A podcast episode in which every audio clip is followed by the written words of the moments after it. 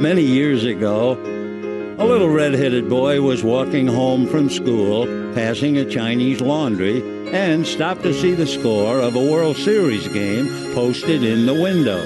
The Yankees beat the Giants 18 to 4 on October the 2nd, 1936. Well, the boy's reaction was pity for the Giants, and he became a rabid Giants fan from that day forward until the joyous moment when he was hired to broadcast Brooklyn Dodger games in 1950. Since 1958, you and I have really grown up together through the good times and the bad. The transistor radio is what bound us together. By the way, were you at the Coliseum when we sang Happy Birthday to an umpire?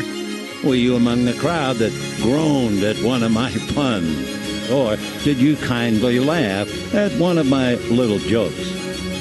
Did I put you to sleep with a transistor radio tucked under your pillow? You know, you were simply always there for me. I've always felt that I needed you more than you needed me, and that holds true to this very day. I've been privileged to share in your passion and love for this great game. You folks have truly been the wind beneath my wing, and I thank you from the bottom of my heart for joining me on this incredible journey of 67 years of broadcasting Dodger baseball. We have some tough news uh, to pass along. Uh, the great Vin Scully has passed away at the age of 94. Uh, from Brooklyn to L.A., Scully was the voice of the Dodgers and is generally regarded as the greatest baseball play-by-play man of all time. Beginning in 1950, he called Dodger games for 67 seasons, and in 1982, he was honored with the Ford C. Frick Award. In addition to his Dodgers duties, Scully announced NFL games and PGA Tour events for CBS, and later MLB games and golf events for NBC. In all, he broadcast 25 World Series and 12 All Star games, as well as three perfect games and 20 no hitters. Matt Vasgersian now with a look at the man who provided the soundtrack to summer for so many people, Vin Scully. Hi, everybody, and a very pleasant opening day. It's goosebump time here at Dodger Stadium. Vin Scully was the greatest broadcaster in baseball that there ever was, maybe the greatest sports broadcaster there ever was. Two and two to Harvey Keene. One strike away. Sandy into his windup. I've been around a lot of professional athletes and a lot of broadcasters over the years. One guy who I was in awe of is Vin Scully. So improbable, the impossible has happened. There was just something to the tone uh, of, of Vin's voice that, you know, it, it was exciting. Behind the bag, it gets through Buckner. Here comes Knight, and the Mets win it. Exciting and yet soothing. Perhaps the most beautiful and dramatic moment in the history of sports. You are, maybe you, in silent tribute to Campanella, can also say a prayer for his well-being. And he had ways of philosophizing about things that were extraordinary. It wasn't baseball, it was life. De MLB Trade Deadline zit erop en dat betekent dat het tijd is om te kijken welke spelers zijn gegaan, welke spelers zijn gekomen, welke teams hebben gewonnen en welke teams hebben verloren. En zijn er misschien ook teams die niks hebben gedaan? Dit is de 167ste aflevering van de Just A Bit Outside podcast, de MLB-podcast van Sport Amerika. Mijn naam is Mike van Dijk en ik ga alles bespreken met onze kenner en hoofdredacteur Jasper Roos. Ja, spoiler alert, er is inderdaad één team dat helemaal niks gedaan heeft. Mogen we raden welk team het is? Je mag, van mij mag je raden, ja. Is het echt maar één team? Nou, ik, Echt ik- maar één team, ja. Er is één team dat tussen de All-Star break en nu helemaal niks gedaan heeft. De Chicago White Sox. Nee, die hebben Jake Oh. Diekman van de Red Sox gehaald. Oeh. eh. Oeh, dat is een goede vraag. Nee, ik heb al veel teams voorbij zien komen. Gisteren Eh, waren het er nog twee. Toen is één team is toch alsnog een trade gemaakt waardoor het maar één team was. Colorado Rockies. De Colorado Rockies. Heel goed, Mike van Dijk. Ja. Jawel. Ja, maar die hebben wel is- iets gedaan. Ja, die hebben een contractverlengingje met een eh, speler afgesloten, maar ze hebben geen trade gemaakt sinds eh, de All-Star break. Dus, Oké. de, de Cleveland Guardians waren het andere team die tot en met tot gisteren nog helemaal niks gedaan hadden, maar die hebben hals over kop nog iets, blijkbaar nog iets gedaan. Dus eh, Oeh, heb ik al- Ja, dat- dat hebben was- we die ook? was- we hebben veel heb ik- dingen hebben we genoteerd. Nee, was, volgens mij was dat een heel erg eh, niet-zeggend eh, tradeje. Dus een sketchy betreft, deal. eh, Dus nee, dat is alleen de Colorado Rockies, die hadden geen zin. Oké. Hoi, en- hoi Mike trouwens. Hoi, ja, goeie, goeie, goedenavond in deze hete avond. Ik, ik was even benieuwd in algemene zin. Hè. We hebben natuurlijk ook wat, wat wijzigingen gehad dit seizoen met meer playoff teams die erbij zijn gekomen. In welke mate is jouw beeld dat dat nu de trade deadline en wat er allemaal gebeurd is, heeft, ja, impact daarop heeft gehad? Ja, het is moeilijk om te zeggen, want we hebben natuurlijk een situatie waarin we een van de grootste talenten aller tijden op zijn 23e getrade zien worden. Dus dat heeft denk ik ook wel een invloed gehad. Maar ik denk wel dat het te maken heeft met het feit dat we, eh, ehm, we hebben relatief weinig gezien. Uh, als je die trade eruit haalt, de, de Juan Soto trade, waar we het zo meteen nog uitgebreid over gaan hebben, als je die er eventjes parkeert en je kijkt naar het hele totaalplaatje van de rest, denk ik dat er voor de rest dit niet een heel erg boeiende trade deadline was. Er zijn heel weinig, wow, what the hell gebeurt hier nou weer, momentjes geweest. En ik denk dat dat inderdaad te maken heeft met het uitgebreide playoff eh, veld. Dat we natuurlijk veel meer teams hebben die eh, een kans maken nog op de playoffs. Eh, dus de prijzen voor spelers waren absurd hoog. Ook de teams die wel gingen verkopen hebben echt een premium op hun, op hun spelers gezet. Ehm, en natuurlijk, ja, tot en met de maandag ging het eigenlijk allemaal alleen maar over Otani en over Juan Soto. Nou, op maandag trokken de Angels dan de stekker uit het hele Otani gebeuren. Maar ja, toen dinsdag vrij vroeg in de Amerikaanse dag Soto ging, toen was het eigenlijk wel dat je denkt van, nou ja, nu, eh, nu gaat het los. Maar dat viel een beetje tegen. Er is wel veel, er is wel veel gebeurd, met name in de laatste ja, 24, 48 eh, eh, uur. Eerder dit seizoen, hè, de afgelopen maanden, de eerste twee, drie maanden van het seizoen, is er eigenlijk heel weinig gebeurd. Als je het vergelijkt met, de, met de seizoenen ervoor. Had dat te maken met dat teams gewoon nog wilden wachten tot echt 1 augustus zo'n beetje om de balans op te maken? Ik denk het wel. Ja, ik denk dat dat er wel iets mee te maken heeft. En je hebt natuurlijk altijd de hoop dat door het nieuwe systeem waarin we geen eh, waiver trade deadline meer hebben. Dus normaal gesproken als er een, was er een trade deadline van 31 juli en daarna had je eigenlijk nog een hele maand om waiver trades te maken. En dat is er, dat is er nu al een tijdje niet meer. Eh, ik denk dat dat er ook wel een beetje voor zorgt dat, eh, ja, dat teams heel goed hun werk doen. Hè? Een due diligence. Want dit is, dit is het moment. Na, na dit moment is het voorbij met de trade. Dit, is, dit zijn de jongens met wie je het moet doen. En bij sommige teams is dat heel goed uitgepakt gisteren. En bij een paar teams ook heel erg slecht. Ja.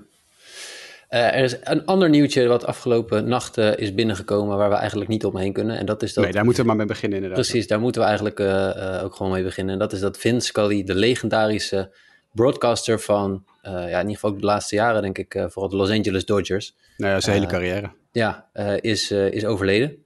Uh, als ik me goed heb, oh, dan ga ik nog 96-jarige leeftijd. 94. 94-jarige leeftijd, 67 jaar in de booth gezeten. Bij de Dodgers. iconische stem. Uh, zowel qua historische momenten, maar ook gewoon een markant geluid in de sportwereld. Als jij uh, Vince Scully zou moeten omschrijven en, en wat een, een, misschien heb je een Vince Scully moment qua commentaar, uh, wat, wat, je, wat je bijblijft, wat, wat is dat dan? Oh, ik heb er heel veel momenten van Vince Scully, want hij is ongeveer bij elk beroemd honkbalmoment zat toevallig Vince Scully in de booth. Nou ja, niet, niet geheel toevallig natuurlijk, want het is natuurlijk gewoon iemand die ja, ja, op zijn 1949 begint hij geloof ik al bij, geloof 1950 was de eerste volledige seizoen in, de, in een honkbalbooth. In 49 is hij begonnen als American voetbalcommentator bij een collegewedstrijd, toen hij 23 was. En uiteindelijk is hij dan nou ja, via de Brooklyn Dodgers uh, terechtgekomen bij de LA Dodgers, want dat zijn natuurlijk gewoon, dat is dezelfde ploeg, die gewoon verhuisd is op een gegeven moment.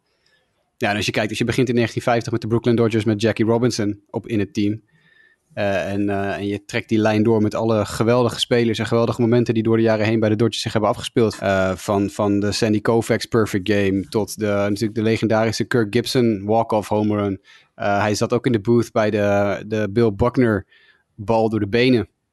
Dat was weliswaar geen Dodgers wedstrijd, maar Scully heeft ook heel veel landelijke broadcasts gedaan. CBS, NBC, dat soort figuren. Um, hij heeft letterlijk zo ongeveer bij elk beroemd moment zat Vince Scully in de booth. Er is een heel, wat, wat ik een van de mooiste momenten vind, en dat is een heel erg onbekend moment eigenlijk, omdat hij... Hij was wel aanwezig bij die wedstrijd, maar hij was niet de televisiecommentator. Dat was de 715e home van Hank Aaron. Uh, want daar was een televisiebroadcast booth. Ik ben even vergeten welke beroemde commentator daar toen uh, zat. En die heeft ook een hele mooie call van die home run. Alleen die van Vince Scully, die op de radio deed op dat moment, is veel beter. Uh, want die is, die is gewoon het eerste paar minuten helemaal stil. Die laat het gewoon helemaal lopen. Al het geluid van het stadion en het, alles komt door. En dan op een gegeven moment begint hij en dan zegt hij dat dit een, uh, een marvelous moment is voor... For baseball, what a marvelous moment for Atlanta and the state of Georgia. What a marvelous moment for the country and the world. A black man is getting a standing ovation in the Deep South for breaking a record of an all-time baseball idol. And it is a great moment for all of us, and particularly for Henry Aaron.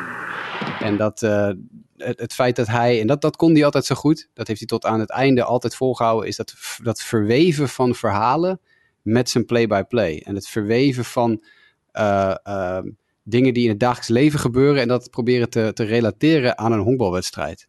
En daar dan de, de symboliek en de emotie in vinden. En dat, dat vond ik altijd het heel prettig om naar, naar Vince Scully te luisteren. Toen ik begon met honkbal kijken dankzij MLB TV, ehm, moest ik heel erg aan wennen in het begin. Want het is natuurlijk een heel andere stijl dan we gewend zijn. Hè? We, zijn gewend aan een, een two-man booth of soms wel drie of vier. eh, waar de hele grapjes gemaakt worden, verhaaltjes verteld worden. En Vin deed het eigenlijk allemaal in zijn eentje. Je had wel co-commentatoren, maar het was altijd ze ruilden per inning. En iemand had gewoon de hele inning. Eh, en, en dat is natuurlijk iets waar je in het begin heel erg aan moet wennen. Maar als je er eenmaal aan gewend was, aan die stem en aan die verhalen, dan wilde je iedere dag wilde je wel eigenlijk eh Vince Scully luisteren. En dat is natuurlijk jammer dat hij bij de Dodgers zat. Dat was altijd midden in de nacht, om vier uur s'nachts, vijf uur s'nachts begonnen die wedstrijd een keer. Dus ik heb regelmatig wel wat eh, ontbijtjes meegepakt nog met de laatste paar innings van, eh, van Scully. Eh, legendarische, legendarische man, schitterende figuur. En natuurlijk, ja, ik denk de beste sportcommentator in de geschiedenis van de wereld. Er is denk ik geen persoon die zoveel invloed heeft gehad op, op de sportwereld als hij. En nou ja, ik heb een stuk geschreven voor Sport Amerika met nog veel meer details en eh, anekdotes en verhalen. Als mensen dat willen lezen, kunnen ze naar sportamerika.nl gaan en het verhaal over Vince Scully lezen. Maar eh, prachtige kerel. Hij heeft ook een eh, best wel tragedie ook nog in zijn leven meegemaakt. Dat stond hier en daar ook wel beschreven. Maar het is gewoon een, ja, een bijzondere man die inderdaad heel mooi wist, wist, wist te vertellen. En taalkundig ook hele mooie woorden, zeg maar, wist te verwerven, verweven in de verhalen die hij dan vertelde. Ik blijf nog, weet je, in a year that has been so improbable, the impossible. Ja, ja. ja, dat vond ik ook weer zo'n geweldige vondst. En in Die heeft, kader nog, van eh, die heeft in onze tune gezeten. Hè? Het eerste seizoen van eh, Just a Bit Outside hadden we dat, eh, dat fragmentje. was een van de drie of vier legendarische, beroemde eh, radiofragmenten of televisiefragmenten die ik in de tune had gestopt. Ja, ja, ja en de Madison Bumgarner, eh, die Madison Bumgarner heeft gedate, dat weet ik ook nog wel. Dat is ook een van die verhalen die hij, die Ja. hij wist, eh, Ja, eh, en daarbij heeft hij, eh, heeft hij ook nog het verhaal verteld over Baumgartner die een ratelslang onthoofd heeft. Ja. Dat is een legendarisch verhaal. En, en het moment dat eh, Matt Kemp van de Dodgers, geloof ik, schreeuwt had... That's fucking bullshit. That's fu-" en dat Scully heel droog zegt... That is manure. That is just manure. Eh, gewoon op die manier vertaald. eh, dat, eh, of fertilizer. Fertilizer. Hij zei niet manure, dat is fertilizer. Eh, gewoon om het een beetje te, ja, te blokkeren, zeg maar. eh, voor, Ja. voor de mensen thuis. Dat is, ja, was erg grappig. Een hele lollige, lollige kerel met, ja... Niemand kon verhalen vertellen zoals Vince Scully. Vanaf 1982 gewoon in de Hall of Fame, hè? Ja. Nagaan. Dit is echt, ik bedoel, hij heeft natuurlijk 67 jaar in de boot gezeten. Dat doe je ook niet even zomaar. Maar Nee. Eh, gewoon lekker, eh, lekker al in de 1982 in de Hall of Fame. Heeft in 2016 de Presidential Medal of Freedom van Barack Obama gekregen. Dat is de hoogste burgeronderscheiding die je in Amerika kan krijgen. Vond ik rijkelijk laat. Maar ja, dat was natuurlijk het moment dat hij met pensioen ging. Hij ging eh, in 2016 met pensioen. Ja. Dus nee, ik, ik vond het een mooie kerel. Zijn laatste werk dat hij gedaan heeft was het inspreken van de Dodgers World Series documentaire van een paar jaar geleden. Ja, ja. Ja, en uh, ik weet ook nog wel dat het filmpje over... Hij heeft ook die, uh, toen de, volgens mij was het toen de game van Field of Dreams game werd gedaan. Of ergens een keer in een van die jaren heeft hij die, die speech uh, een voice-over, ja, van een voice-over ja. voorzien. Ja, hij heeft ook inderdaad wat voice-over werk gedaan over die, dat, het, het promofilmpje volgens mij. Voor ja. de Field of Dreams game heeft hij gedeeltelijk ingesproken. En ook James Earl Jones heeft volgens mij ook nog wat daarmee gedaan. Ja. en hij heeft ook op videogames gedaan, want dat is eigenlijk hoe ik hem ben leren kennen.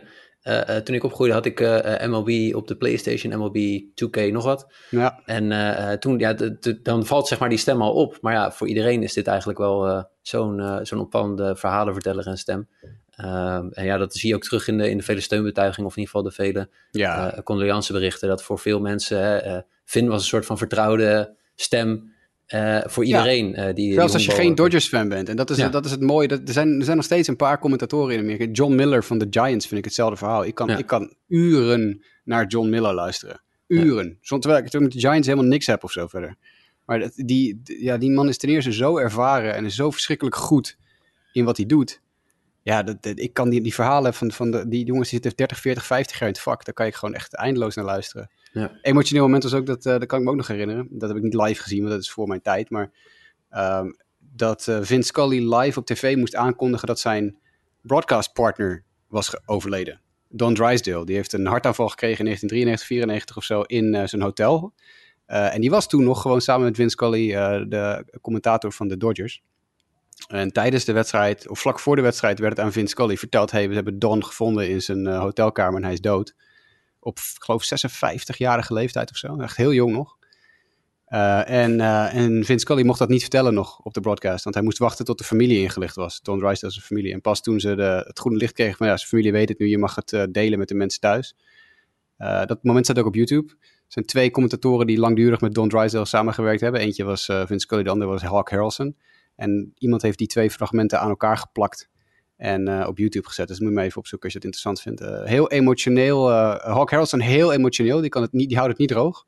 En Vince Scully overduidelijk tot in zijn ziel geraakt. Maar stoïcijns in hoe hij het vertelt. Ja. Dus ja. Ja, nou in ieder Ja, geval... we kunnen uren vol lullen over Precies. Vince Scully. Een aparte aflevering kan het, eh nou, kan het dus dat wel. zijn. Het is echt een legendarische kerel. Ik denk dat we nooit meer iemand krijgen die zo vreselijk goed en zo, maar die ook zoveel betekend heeft voor de sport. Want Het laatste daarover en dan gaan we door. Maar vergeet niet, hij, hij reisde met de Brooklyn Dodgers mee naar LA als commentator. Hij woonde gewoon, hij komt uit New York, hij komt uit Brooklyn. Was eigenlijk een Giants fan, een New York Giants fan. Maar werd op zijn achtste een Dodgers fan en komt uiteindelijk daar ook in de booth terecht. En dan verhuisden de Brooklyn Dodgers naar LA naar een stad waar op dat moment nog nooit, helemaal niks met honkbal is. Hè. Je kan het je bijna niet voorstellen, maar LA had totaal geen honkbalcultuur direct na de Tweede Wereldoorlog. Helemaal niks, helemaal niets. En niet alleen heeft hij het voor elkaar gekregen om die stad volledig honkbalgek te maken. Nee, hij heeft het op zich genomen om die stad honkbal te leren. Om die mensen te onderwijzen in de schitterende geschiedenis van die sport. eh, om ze te leren hoe of wat. En er kwamen dus mensen die gingen naar die wedstrijden toe. Maar die namen hun transistorradiootje mee. En die gingen dan op de tribune luisteren naar wat Vince Scully over de wedstrijd aan het vertellen was. Die zij dat met live aan het bekijken waren. En dat werd op een gegeven moment werd dat zo erg dat al die radiootjes.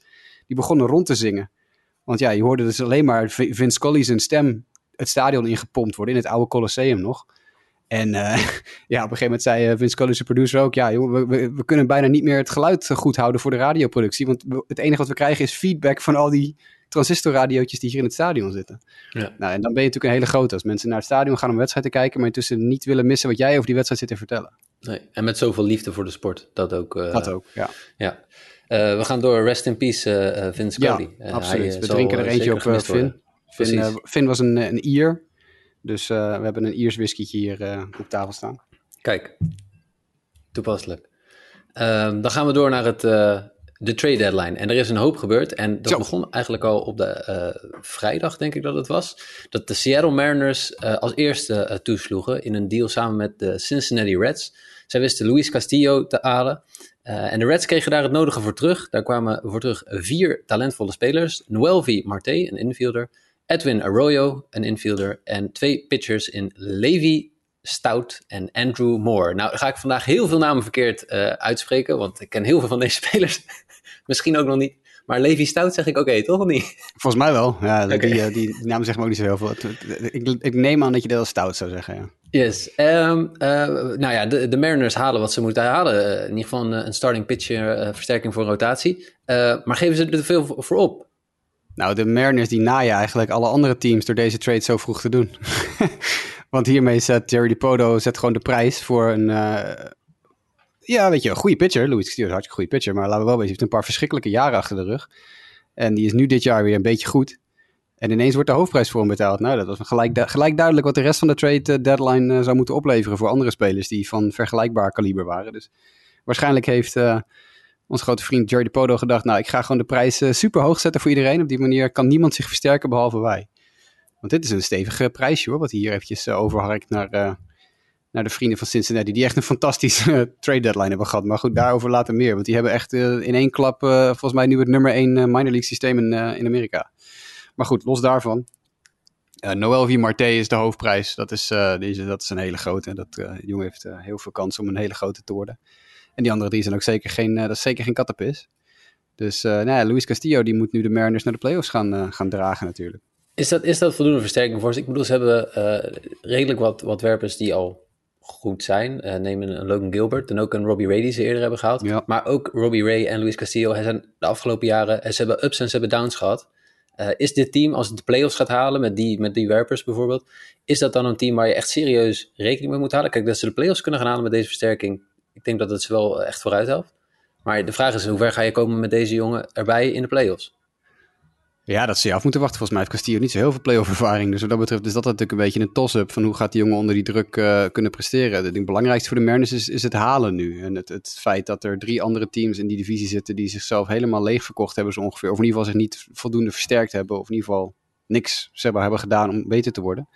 Eh, in natuurlijk uh, de, de Rangers, de Angels. De Angels hebben zichzelf helemaal leeg verkocht zo ongeveer. Dat uh, Otani-verhaal komen ze meteen nog even op. Dat is, voor de rest is natuurlijk helemaal niks.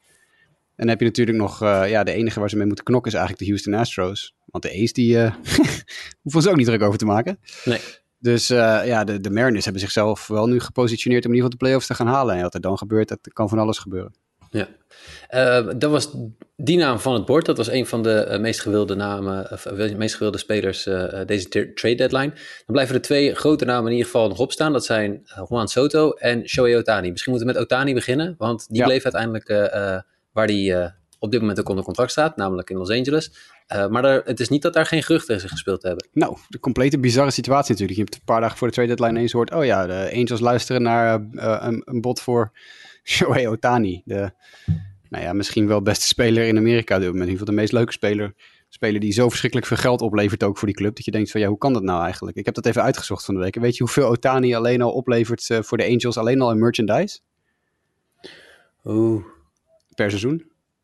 Per, per jaar, laten we zeggen per jaar. 25 miljoen dollar per okay. jaar. Alleen in... Van we dat nog tegen? Weet ik niet. Ja, nee, dat is veel man. Dat is echt heel ja, veel. Nee, maar ja, het is ook, ik bedoel, hij heeft natuurlijk wel ook internationaal kost... veel exposure. Dus daarom... Ja, dat, maar dat is natuurlijk. Ja. Dat is, daarom is hij ook zo belangrijk. Ik bedoel, het feit dat op Fanatics was hij vorig jaar de meest verkopende uh, honkballer.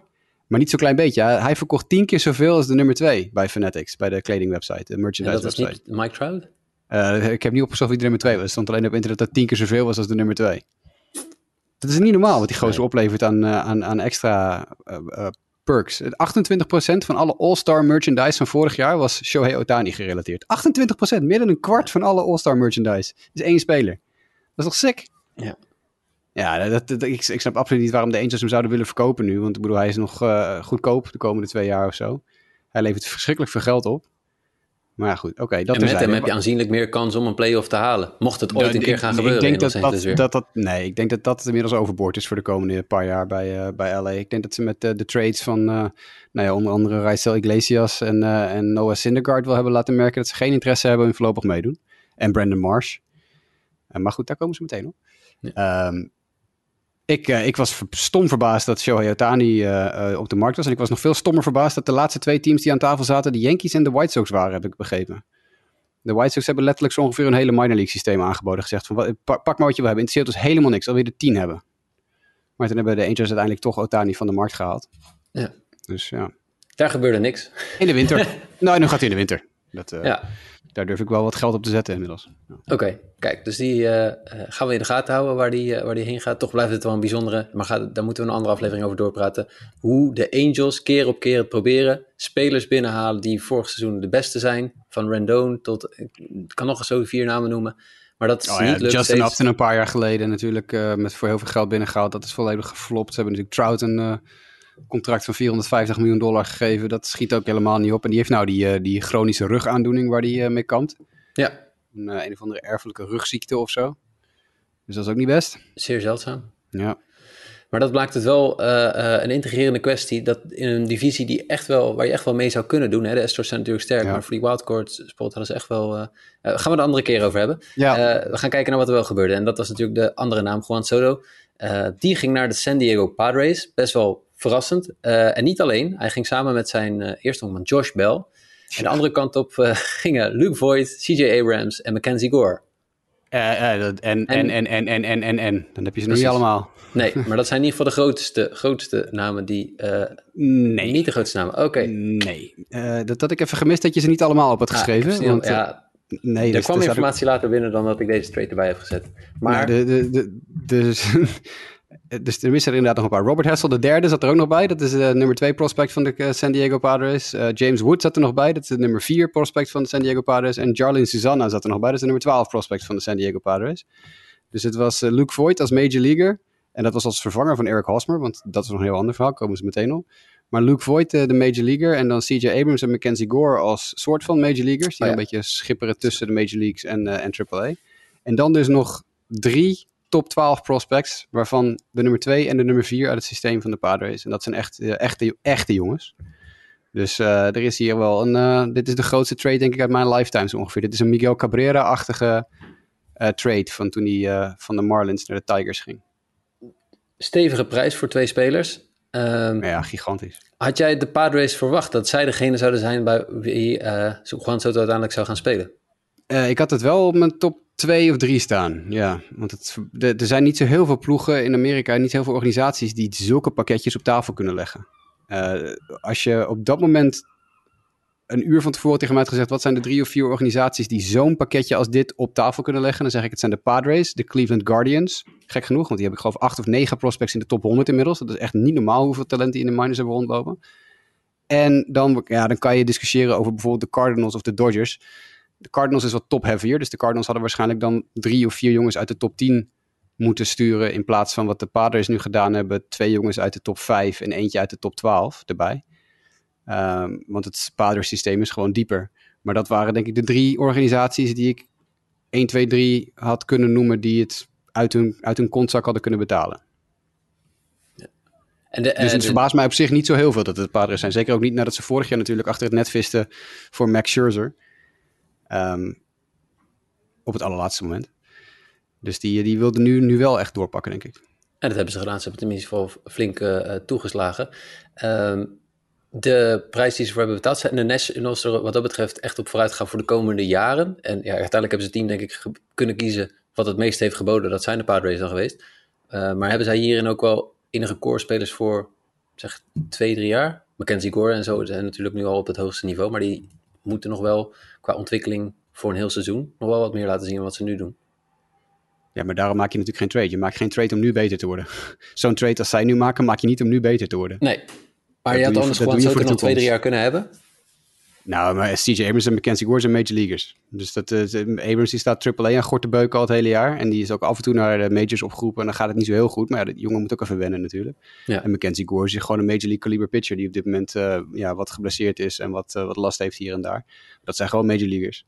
Ja. En ja, James Wood en... eh ehm, hoe heet die andere knakker nou?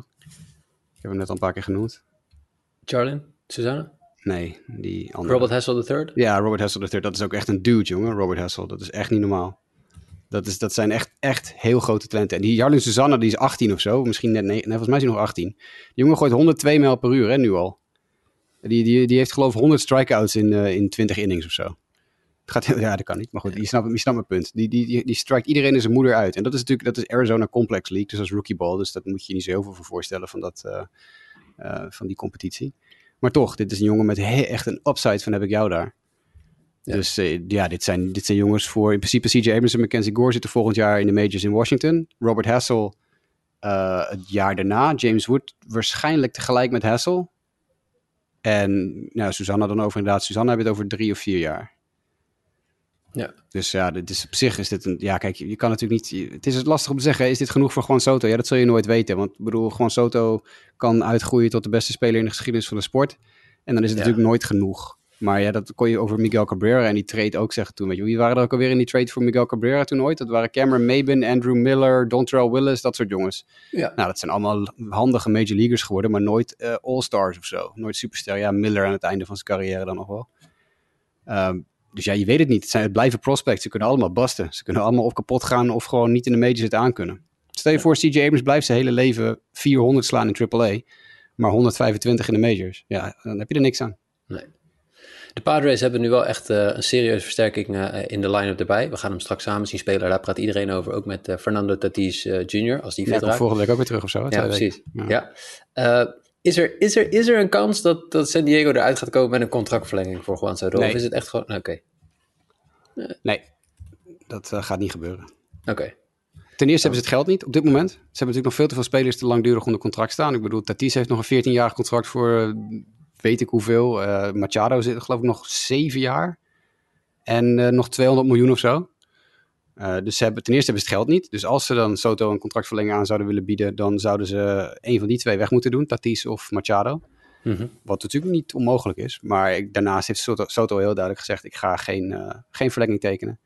Over uh, 2,5 seizoen wordt Soto free agent. Dus ze hebben nog drie playoff runs, zeg maar, lol van hem. en ja, dan is hij 26. Ja. dan, is hij, dan is hij 26, zit hij misschien al, is hij misschien al zevenvoudig All-Star of zo. Ja. Ja, het is ongekend. Talent en de statistieken die hij ook uh, ja, het is niet normaal. Uh, bij elkaar te spelen is ongekend. Over geld gesproken en uh, dat al committed is in San Diego. Eric Hosmer is zo'n speler, maar Eric Hosmer ja. speelt niet meer bij San Diego Padres. Die is naar de Boston Red Sox geruild in ruil voor Corey Rozier, een outfielder, utility speler Max Ferguson en cash. Nou ja, dat is dus een hoop cash, want het salaris wordt betaald door San Diego. Volgens mij was er nog... Nog een speler involved? Ja, meerdere Damn. nog. Meerdere. Lang leven dat mensen later altijd spelers gaan toevoegen aan deals. Nee, dat was meteen vrij duidelijk hoor. Uh, want er is volgens mij nog iemand met hem meegegaan ook. Of, ja, precies. Uh, Jay Groom. Dus het is, oh ja, uh, het is Corey Rozier en Max Ferguson en Eric Hosmer van de Padres naar de Red Sox. In ruil voor, voor één Jay. pitching prospect, Jay Groom. Ja. Dat is de deal. Dus niet Hosmer voor Rozier en Ferguson. Nee, het is Hosmer, Rozier en Ferguson voor Jay Groom. Excuus, ik zit er niet goed in. Uh, in ieder geval, de Red Sox. Maar, ja, maar dat is ook een interessante trade. Want de, de, je zou zeggen dat is een salarisdump. Maar de, de Red Sox uh, hoeven zijn salaris niet te betalen. want de, de cash considerations die uh, de, de, de Padres meesturen is 44 miljoen. Oftewel het hele contract wat nog van Hosmer op de plank ligt. Dus feitelijk gezien sturen uh, de Padres hier Hosmer en twee prospects naar de Red Sox. En betalen ze Hosmer zijn volledige salaris in ruil voor Jay Groom. Dus dat is ook wel een beetje een aparte deal. Jake Groom is best een, uh, een goede speler. Ja. Uh, althans, was altijd, is een voormalig eerste ronde draft pick. Maar is niet heel erg, nou, niet heel erg goed geweest de laatste paar jaar. Een paar keer geblesseerd geweest en zo. dus dit is wel een aparte deal. Kijk, je zou zeggen van oké, okay, je stuurt Hosmer en twee prospects naar Boston in ruil voor Jake Groom. En dan betaalt Boston ook nog de helft van het salaris of zo. Maar San Diego wilde blijkbaar zo graag van Hosmer af dat ze gezegd hebben: hier heb je ook nog 44 miljoen dollar. En doe ermee wat je leuk lijkt. Weet je? Ja. Ja, maar dat is ook wel raar dat er wat dat betreft geen andere teams zijn uh, uh, die dit, een deal met de Padres rondom Hosmer aan hebben willen gaan. We hebben natuurlijk eerder ja, Hosmer had natuurlijk een no-trade clause in zijn, uh, in zijn contract. Want in eerste instantie ja. zou Hosmer naar de Nationals gaan in die trade voor Soto. Soto. En, en Nationals waren een van de tien teams die op Hosmer's no-trade lijst stonden. En hij heeft gewoon gezegd, ik wil niet naar Washington. Stuur me maar ergens. Als je van me af wil, prima, maar stuur me dan maar ergens anders naartoe. Nou, zei ja. de Padres, prima, dan sturen we je naar Boston, want die staan niet op je lijstje. Ja. Nou ja, en eerder dit seizoen waren er ook geruchten natuurlijk met de Mets nog. Uh, voor, uh, ja, klopt, ja. voor Hosmer. Maar die gaat in ieder geval naar, uh, naar Boston.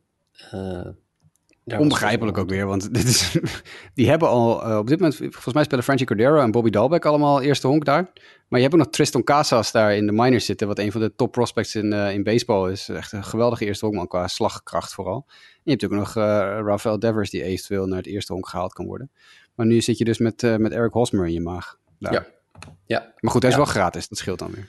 Ja, en als we dan het, sprong, het, het, het sprongetje maken naar de, de Red Sox. Um, die hebben wat gekocht en wat verkocht. Uh, onder andere, erbij kwam ook nog Tommy Pham van Cincinnati. For uh, player to be named later of cash considerations. Um, en ze deden Christian Vasquez, de catcher, weg naar de Houston Astros. In ruil voor infielder Emmanuel Valdez en outfielder Willier Abreu. Ja, en dat daardoor kwam er een plekje open voor uh, de backup catcher in Boston. En daarom hebben ze ook nog Jake Diekman, de reliever, naar de White Sox gestuurd in ruil voor Reese McGuire. Die aan het begin van dit jaar nog uh, door de Blue Jays naar de White Sox werd getrade in ruil voor Zach Collins. Dus voormalig eerste ronde draftpick Zach Collins is inmiddels Jake Diekman in de bullpen bij de White Sox. Dan heb je eventjes die. Dus Collins voor McGuire en nu McGuire voor uh, Jake Diekman. Het begint inmiddels dat verhaal te worden waarbij je zeg maar begint met een tandenborstel en eindigt met een Ferrari, maar... ken je dat? Ken je, heb je, uh, heel, heel anders, maar Jesse Chavez, heb je die er ook bij staan? Die komt zo meteen nog waarschijnlijk, hè? Ja. Ja, ja, die komt zo meteen nog. Die is dus weer getrade. En dat is de achtste keer dat okay. Jesse Chavez getrade is. Ik heb het vanmiddag uitgezocht. Ik zal het nu vast even opzoeken. Dan heb ik zo meteen uh, hebben we het voor, uh, voor nee, klaarstaan. Die, die, die, komt, die komt inderdaad uh, nog wel. de Red Sox, wat, wat moeten we ervan maken? Want ik bedoel, ze, ze staan natuurlijk...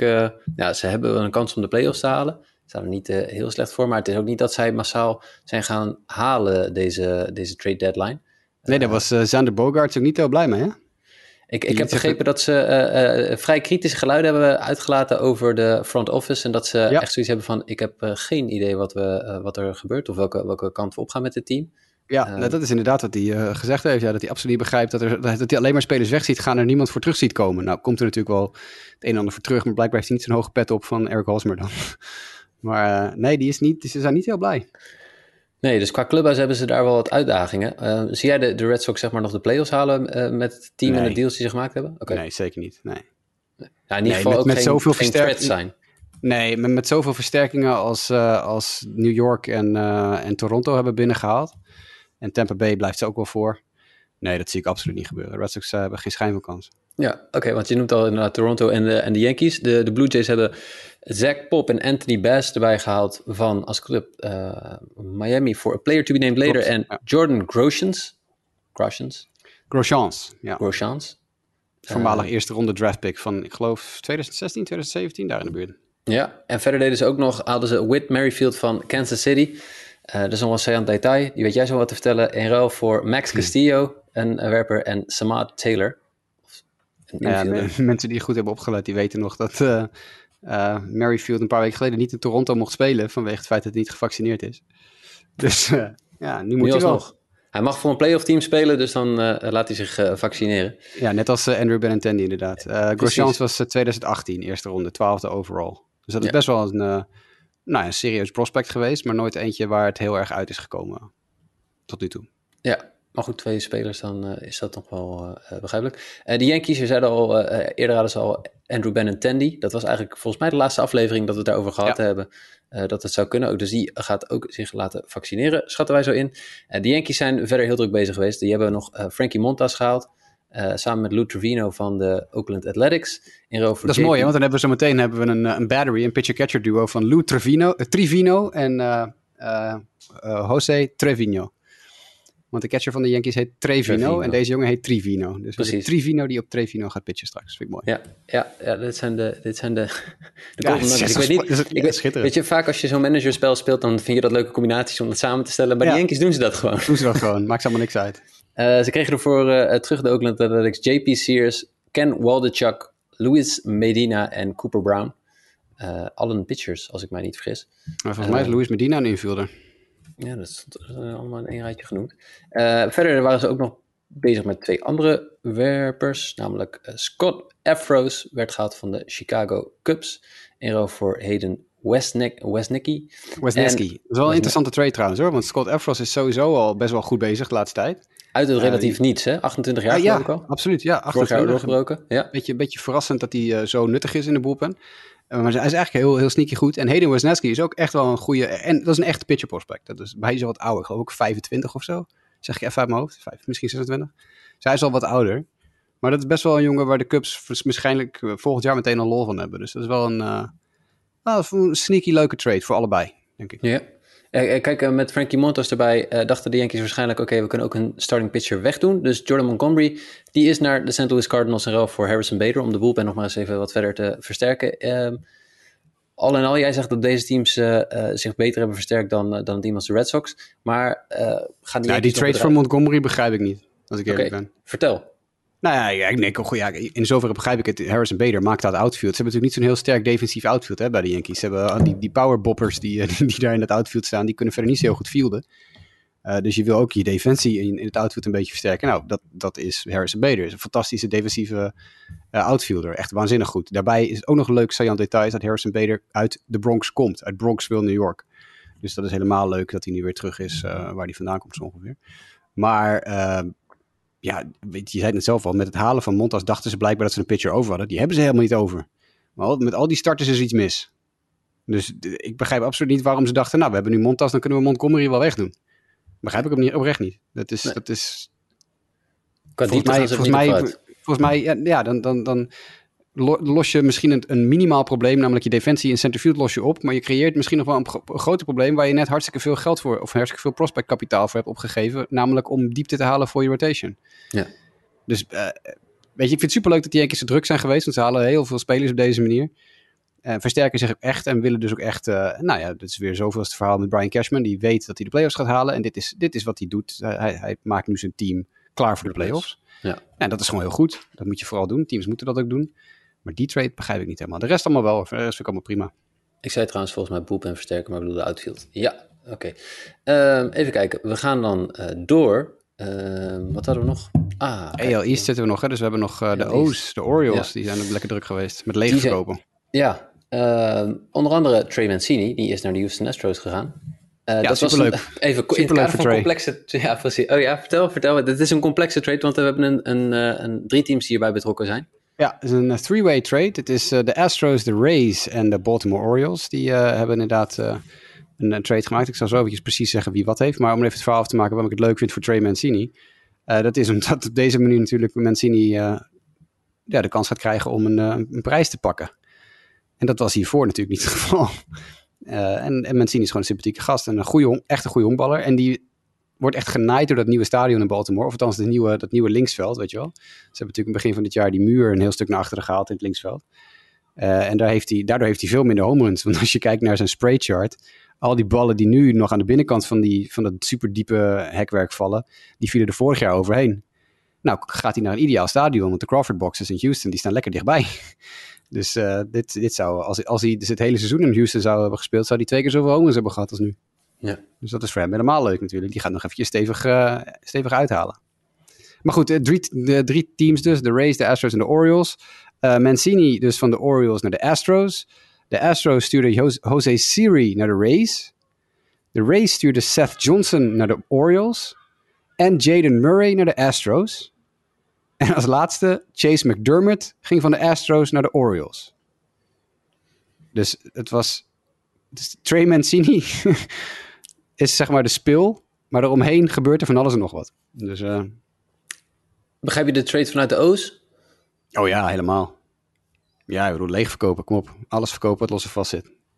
Nog steeds, ondanks de prestaties van de afgelopen maand, dat ze Ja, nu een soort van een kans lijken te hebben. Nee joh, ze hebben helemaal geen kans. Geen hè? Nee. totaal niet. Ze doen het hartstikke leuk. Ze, ze, ze laten daadwerkelijk hartstikke leuke eh, dingen zien op het veld.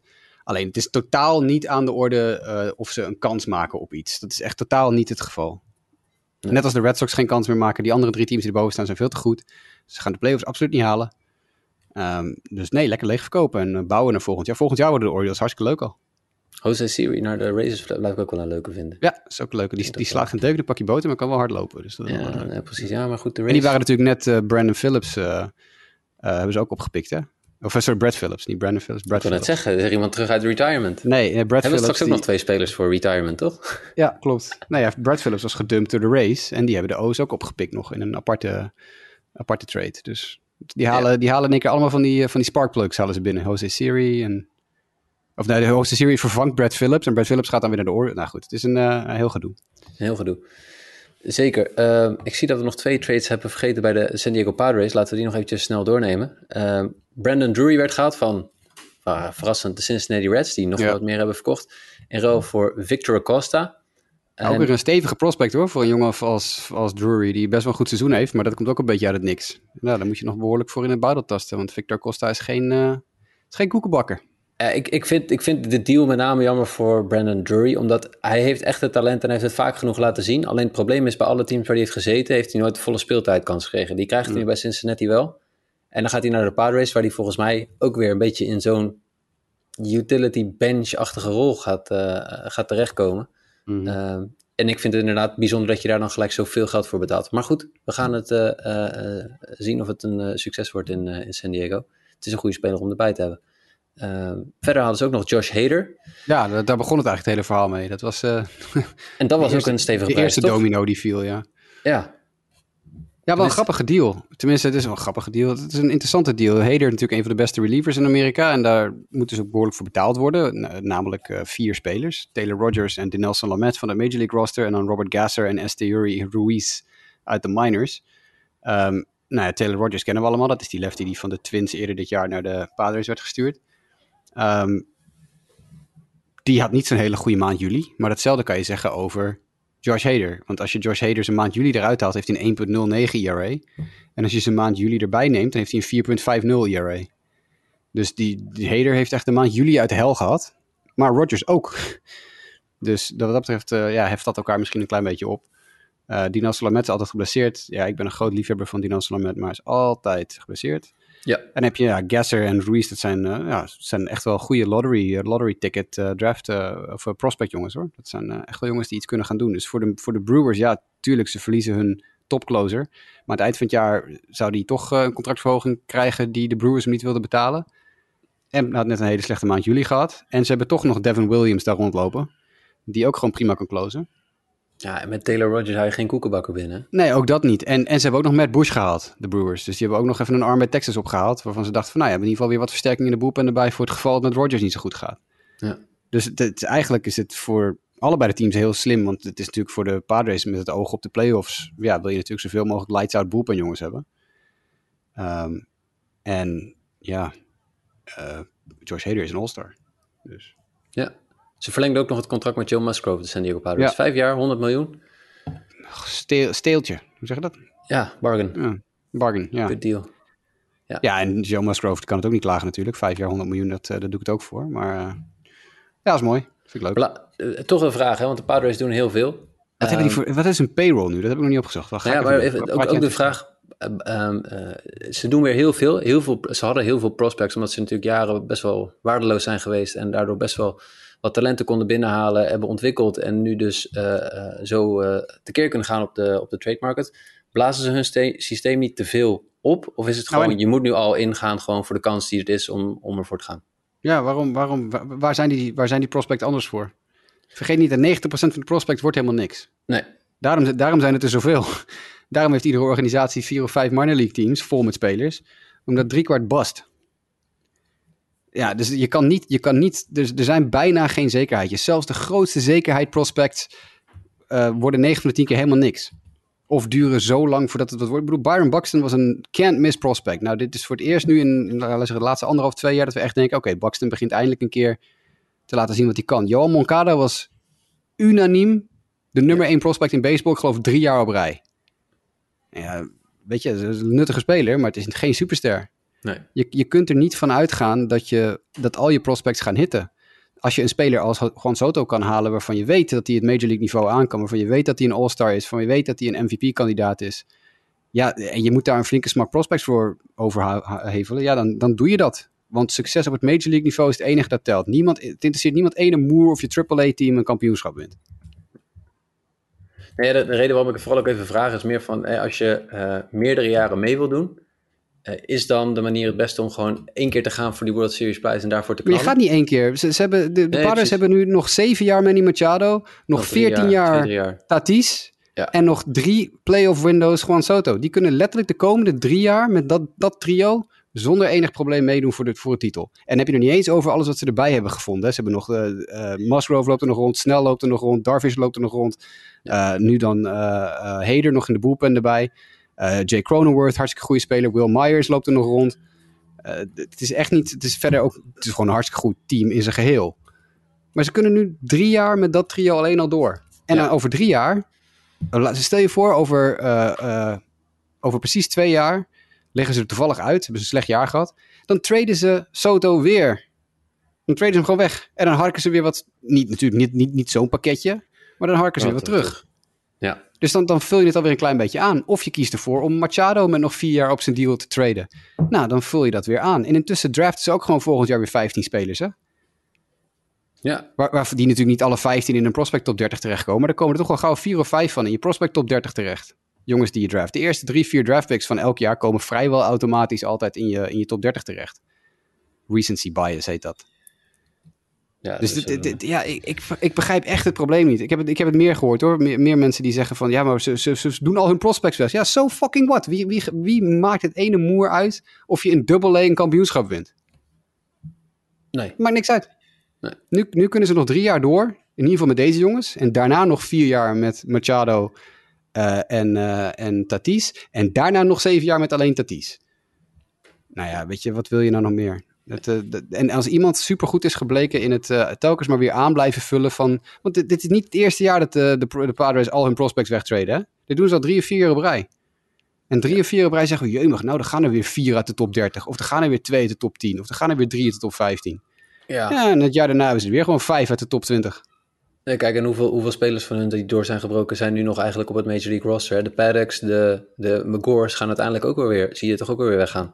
Die, Chris Paddock is een hartstikke mooi voorbeeld. Die jongens hebben gewoon een hartstikke goed moment weggedaan.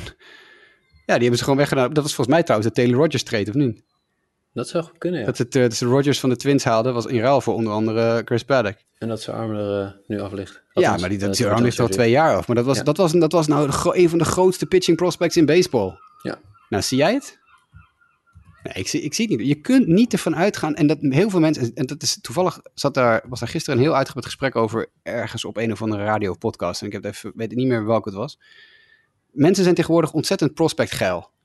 En dat is al een paar jaar zo. En het is natuurlijk, heeft allemaal te maken met wat de Rays ooit gedaan hebben. Wat de Rays mee begonnen zijn. Namelijk dat eh, recyclen van je spelers. Hè? Jonge prospects door laten breken en na twee jaar weer verkopen voor een enorme bak nieuwe prospects. Die door laten breken en na twee jaar weer verkopen voor een enorme bak prospects enzovoort enzovoort. Hè? De Evan Longoria manier, de David Price manier.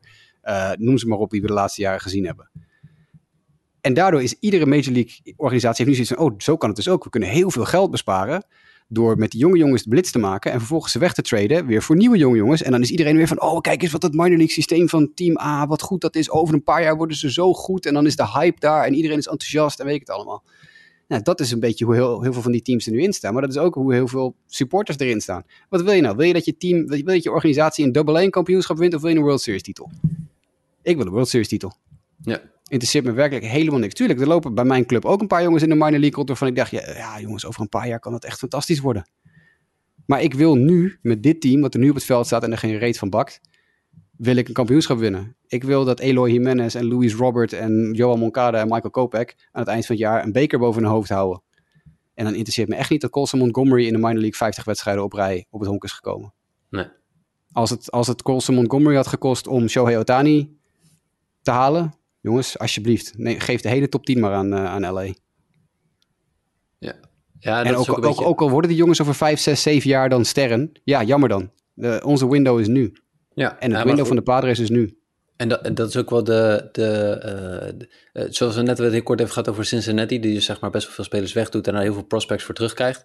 Eh, het was eh, Lionel, eh, voor de luisteraars die wat langer al naar deze podcast luisteren, een bekende oud crewlid, die ook zei van, ja, weet je, leuk al die prospects, maar tegelijkertijd, ja, je moet het maar zien wat je ervoor terugkrijgt. Hè? Dat kan je gewoon niet... ja, tuurlijk. Klinkt dan En goed, Lion- maar- Lionel zei van de week ook van ja, ik, aan het enthousiasme van andere mensen te merken hebben we het goed gedaan. ja, Lionel zegt ook, ja, ik ken al die jongens ook niet, zeg me helemaal niks. Nee, precies. Over een paar jaar natuurlijk wel, want over, dan gaat hij ze volgen. Want ja, ik bedoel, je volgt natuurlijk altijd je eigen organisatie meer dan, dan andere organisaties. Maar weet je, ik, ik- prospects zijn prospects. Prospects Ja. is geld. Weet Ja. je, gewoon, gewoon wegdoen. Wegdoen als het kan. Als, Ja. als je er iets Heb je de payroll goed- inmiddels gevonden? Ja, ik heb het. Oh ja, al lang. Ja. 241 miljoen. Zit ze nog onder de luxury tax, toch? Die is tot 280, Ja. wat is het? Valt, valt mij ook enorm eh, mee. Ja.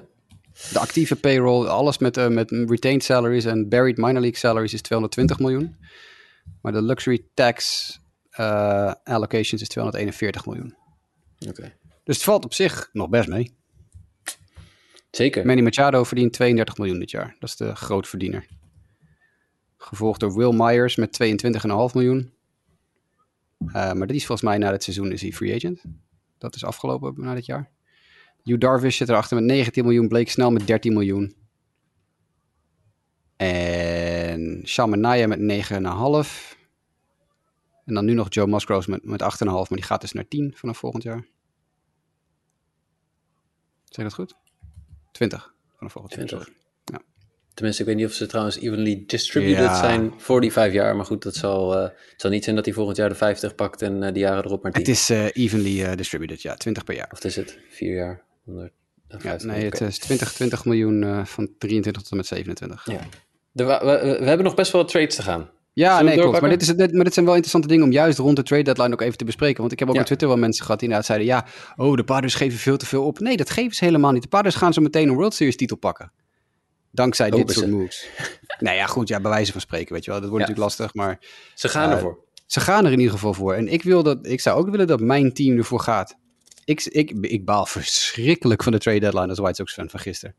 Ja, het lijkt wel alsof ze hebben zitten slapen. Maar goed, dat heeft alleen de manager echt gedaan. Eh, de rest hebben Ja. ongetwijfeld wel wakker zijn Ja, geweest. nou ja, ze zijn nu wakker, want het begint net te hozen in Chicago. Dus eh, ik heb de wedstrijd aanstaan op een tweede scherm. Maar Dus die gaat Juist dat lijkt me een goed moment voor een tukkie eh, als ik Tony La Russa ben. worden. Tony La Russa werd gisteren ook niet beschikbaar gemaakt voor de media voor de wedstrijd. Dat is ook voor het eerst. Dus hij, was, hij zag de bijl hangen die nu spreekwoord naar beneden komt. Dat er iets te veel vragen zouden gesteld worden over zijn, zijn wegtrekkertje dat hij de dag van tevoren had in de Ah. uitzending. Maar goed. Hebben we allemaal wel eens, dat is ook zo. Ja, nee, maar goed, Eh, daarom zeg ik, het, het is een heel interessant, het is juist een goed moment om dat soort dingen te bespreken. En natuurlijk mag je het anders zien. Je mag, je, je mag natuurlijk, ik heb het ooit met een, eh, zijn naam even kwijt, die Dutch Blue Jays fan op Twitter, heb ik het over gehad. Die, die gozer zegt ook, ja, ik, ik heb ooit tegen die ook gezegd, honkbal is ook heel vaak een, een sport van hoop, hè. Kijk, als je natuurlijk een waardeloos Major League team hebt, zoals neem, neem de Orioles vorig jaar. Het enige wat Orioles fans aan het doen zijn, is dromen over Adley Rutschman. Is dromen over DL Hall. Is dromen over Grayson Rodriguez. Toen een paar jaar geleden de White Sox zo waardeloos waren. Het enige wat ik deed was dromen over Lucas Giolito. Dromen over Dylan Cease. Dromen over Michael Kopech. eh, Eloy Jimenez. Johan Moncada. Dat is wat je op dat moment door de moeilijke tijden heen sleept. Maar je moet ook reëel zijn op het moment dat je al die jongens waar je over hebt gedroomd in de Major League hebt staan. Dat moment gaat je, je deur open, je, je raam open. En dan moet er ook moet alles wijken voor de playoffs en voor een kampioenschap. En dan zijn minor leaguers ook maar minor leaguers. Dan heeft het geen zin om, ook al ben je nog zo'n geweldige 19-jarige eh, prospect. Als je beter kan worden op dat moment, moet je beter worden. Ja, en dan zitten er af en toe waanzinnig goede trades tussen. En er zitten af en toe verschrikkingen tussen. De White Sox hebben ooit natuurlijk een 18-jarige eh, Fer- Fernando Tatis eh, weggetrade voor James Shields. Ja, goed. Dan gaan mensen lopen er nu over te schreeuwen. Ja, hoe hebben ze dat kunnen doen? Ja, Fernando Tatis was een, een, een nobody toen. Was, was niet eens een prospect. Stond niet eens in de top 400, geloof ik.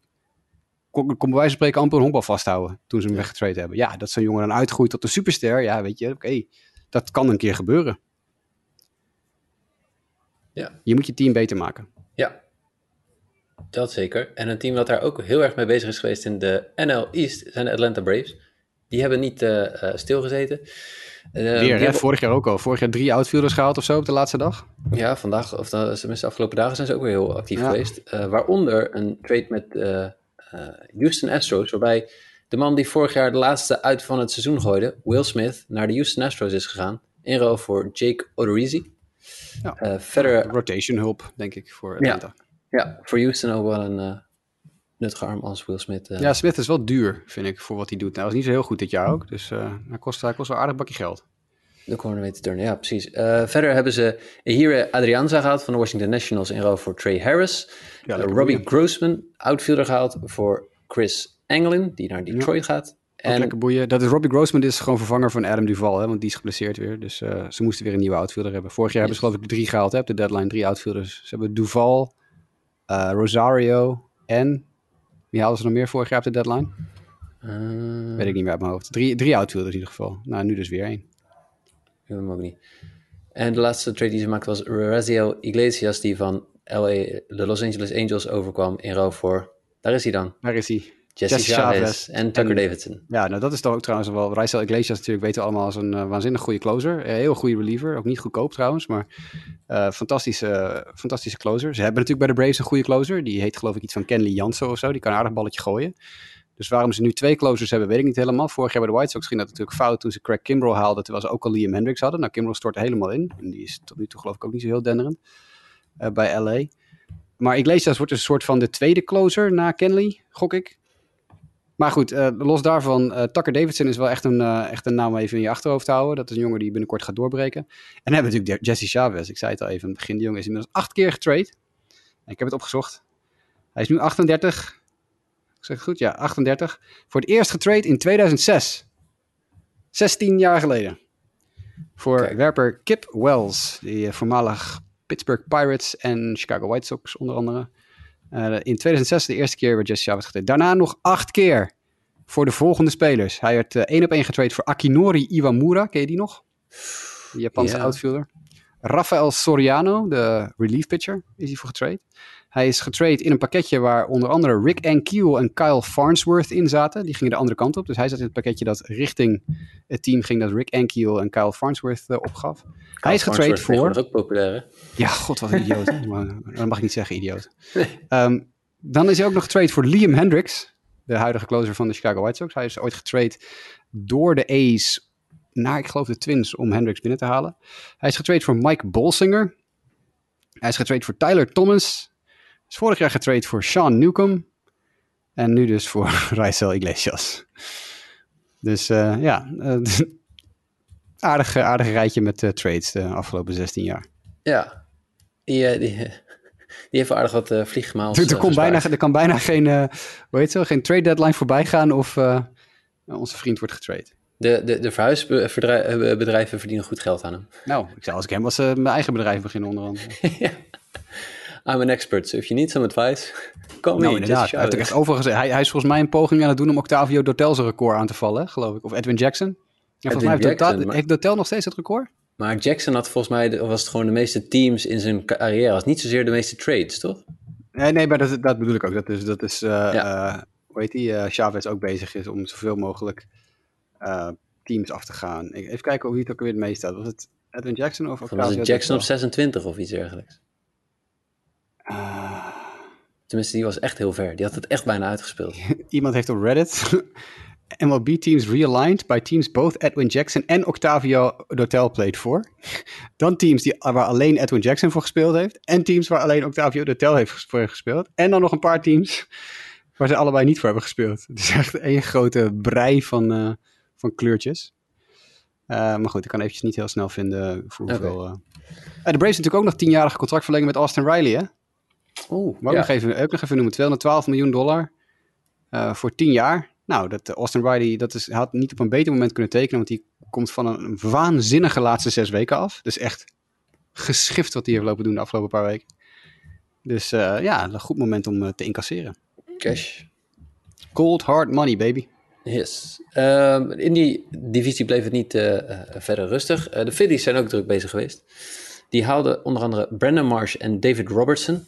In ruil voor Brandon Marsh gingen naar de andere kant catching prospect Logan O'Hop. Ja, dat is een big time catching prospect ook. En dat vond ik een heel aparte trade. Ik ben een enorme marshmallow en een grote fan van, uh, van Brandon Marsh. En ik vind het echt een uh, ja, aparte situatie dat de Angels hem weggetrade hebben. Ik snap ook niet zo goed. Het is die holbewoner. Voor mensen die denken, wie is Brandon Marsh ook alweer? Die gozer met die baard en het lange haar. Uh, die bij de Angels rondloopt. De jongen is ook pas 24, hè? Net, net in december 24 geworden. Het is gewoon een hartstikke goede honkballer. Een heel getalenteerde jongen die misschien dit jaar nog niet super uh, lekker uit de verf komt. Maar is gewoon, kan heel hard lopen. Hij is, uh, kan, kan heel veel verschillende dingen doen. Is een goede outfielder, heel goede defensieve outfielder ook. Maar kan ook echt wel een stevig balletje mappen. Als je nou een, een rebuild ingaat, is dit nou typisch een jongen die je houdt. En natuurlijk, Logan Hop is geen, is geen, uh, dat is geen kattenpis hoor. Dat is echt wel een, dat is een top 100 prospect volgens mij zelfs. Dus het is niet zo dat de Phillies hem of Mars hebben gratis opgehaald of zo. Nee. Maar ik zou dolgraag Brandon Marsh willen hebben in mijn team. Ja. Lijkt me fantastisch. Groot en voor, voor David Robertson ging aan de- naar Chicago Ben Brown, een pitcher. Ja, dat zegt me niks. Nee. Maar Robertson heeft een keer eerder bij eh, eh, de Phillies gezeten. Vorig jaar, twee jaar geleden of zo. Ja, dat volgens mij ook. Ja, Toen ging het niet zo goed. oude bekende. Nee, Dus hij hoopt, hij Ehm, hoopt nu dat het beter gaat, denk ik. En Noah ja. Syndergaard eh, natuurlijk ook nog, hè? precies in het kader van oude bekenden die ze wel vaker zijn tegengekomen. Noah Syndergaard gaat speelt nu ook voor de Philadelphia Phillies. In ruil voor Mickey Moniak en Ja. Jadiel Sanchez. Nou, Mickey Moniak, voormalig nummer 1 overall draft pick in, ik geloof 2016. Weer zo'n Nummer voorbeeld. 1 Ik wilde net overall. zeggen, Niet eens, niet eens eerste ronde draft pick of zo van de Phillies. Nee, gewoon echt de, de nummer 1 overall. Ja. Is Ja, dat vind ik dan nogal een wat. heftige, eh, heftige prijs? Nou ja, het is niet goedkoop. Want eh, hoe zit het met het contract van Syndergaard ook alweer? Volgens mij heeft hij een contract van nog een jaar of zo, toch? Nee, ik dacht dat hij maar een eenjarige deal had getekend. Ja, dat is eigenlijk een contract voor een jaar. Dus het is een Ja. rental. Een rental, en daar moet je dan eventjes Mickey Moniak voor over... eh, Nou goed, nou Moniak is natuurlijk niet, niet zo dat er op dit moment dat hij sterren van de hemel eh, slaat of zo. Maar ook Mickey Moniak is letterlijk net 24 geworden. Deze maand 24 geworden. Maand geleden. Ja. En dit is gewoon een nummer 1 overall pick. Die voor een halfjaartje... eh nou, niet eens een halfjaar. Twee maanden Noah Syndergaard. Was het twee... Was het, ja, volgens mij wel. Volgens mij heeft hij maar een eenjarige deal getekend. het was voor iets 22 van, eh, miljoen of zo, of 21 ja. miljoen. Maar ik, eh, ja, één jaar 21 miljoen. Dus je, je huurt hier nu twee maanden Noah Syndergaard voor, in ruil voor een nummer 1 overall draft pick. Jongen, jongen, jongen. It happened, it happened. In het kader van deals waar je volgens mij ook nog wel een emotie bij hebt. eh, De New York Mets zijn bezig geweest. Ja, Die hebben Michael Givens gehaald eh, voor Sal Gonzalez. Ehm, prima deal. Slimme, slimme, slimme move. Michael Givens was eh, beschikbaar voor heel veel teams. En eh, de Mets hebben hem uiteindelijk binnengeharkt. En ook eh, Darren Ruff kwam naar New York van de San Francisco Giants. Daar betaalden ze wat meer voor. Die trade slaat echt op kaas. Het slaat echt nergens op. Wat, wat, de Mets, wat de Mets eigenlijk gedaan hebben... Die hebben nu een platoon duo voor eerste honk, hè? Tegen righties gaat Dan- Daniel Vogelbach spelen... en tegen lefties gaat Darren Ruff spelen. Standaard. Dus die hebben gewoon, die hebben gewoon eigenlijk van twee spelers... één tussen aanhalingstekens speler gemaakt. Want Vogelbach ramt r- righties helemaal de moeder... en Ruff die doet hetzelfde, maar dan met lefties. Nou, op zich is dat natuurlijk slimme... Eh, Oké, prima als je dat zo aan wil pakken. Lekker doen. Je hebt ook handige pinch hitters nog eventueel voor later in de wedstrijd. Maar dan voor Darren Ruff, die, ik zeg het even uit mijn hoofd, controleer me, eh, of, of verbeter me als ik het verkeerd zeg, 5 of 36 is? Nou, ik dacht, je wilde gaan zeggen 58, maar... Nee, Nee, ik dacht eh, 36. Uh, ach, oud. 36, 36. Hij is net 36. 36 geworden. En die eh, veel succes heeft gehad in de majors in eh, de afgelopen, wat is het, jaar, anderhalf jaar. Die ook al een tijdje in Korea heeft gespeeld, volgens mij. Want volgens mij is hij, is hij niet een all-time eh, major leaguer of zo. Dus het is echt niet zo dat dit nou een superster is. En daar moet je dan vier spelers voor overhevelen. Onder wie een major leaguer in de vorm van J.D. Davis, die op papier nou echt niet zo heel veel andere dingen doet dan Darren Ruff. Ruff is ietsje beter, maar we ontlopen elkaar niet superveel. En Thomas Sapuki, toen ik ooit nog eh, prospect rankings schreef voor Sport America van alle teams. Ik weet zeker dat ik het één jaar over Thomas Sapuki heb geschreven, dat hij in de top 10 stond bij de Mets.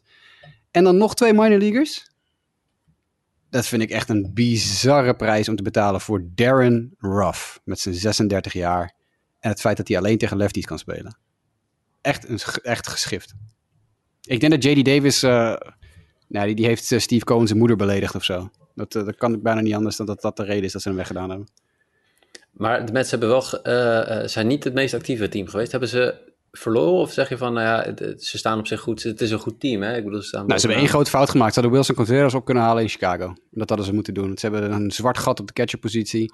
Eh ze hadden letterlijk ze hadden een, een pakketje, dat is ze bijna aangeboden. Hè. Het, verhaal ging dat de Cubs of meer gezegd hebben... hey, willen jullie Michael Givens en Contreras als pakketje ophalen? Prima, kom maar. Ja. Nou, uiteindelijk halen ze dan alleen Michael Givens.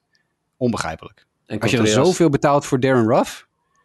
waarom ga je dan niet... waarom zeg je niet, nou, doe ons... Doe ons eh, eh, ook het, eh hoe heet die? Contreras maar. En Contreras Ik, die nog steeds in Chicago is. Ja, want ook de Cubs hebben ook gewoon een fout gemaakt. Die, hebben, die hadden Ian Happ en Contreras moeten verkopen. Maar die hebben ze vastgehouden.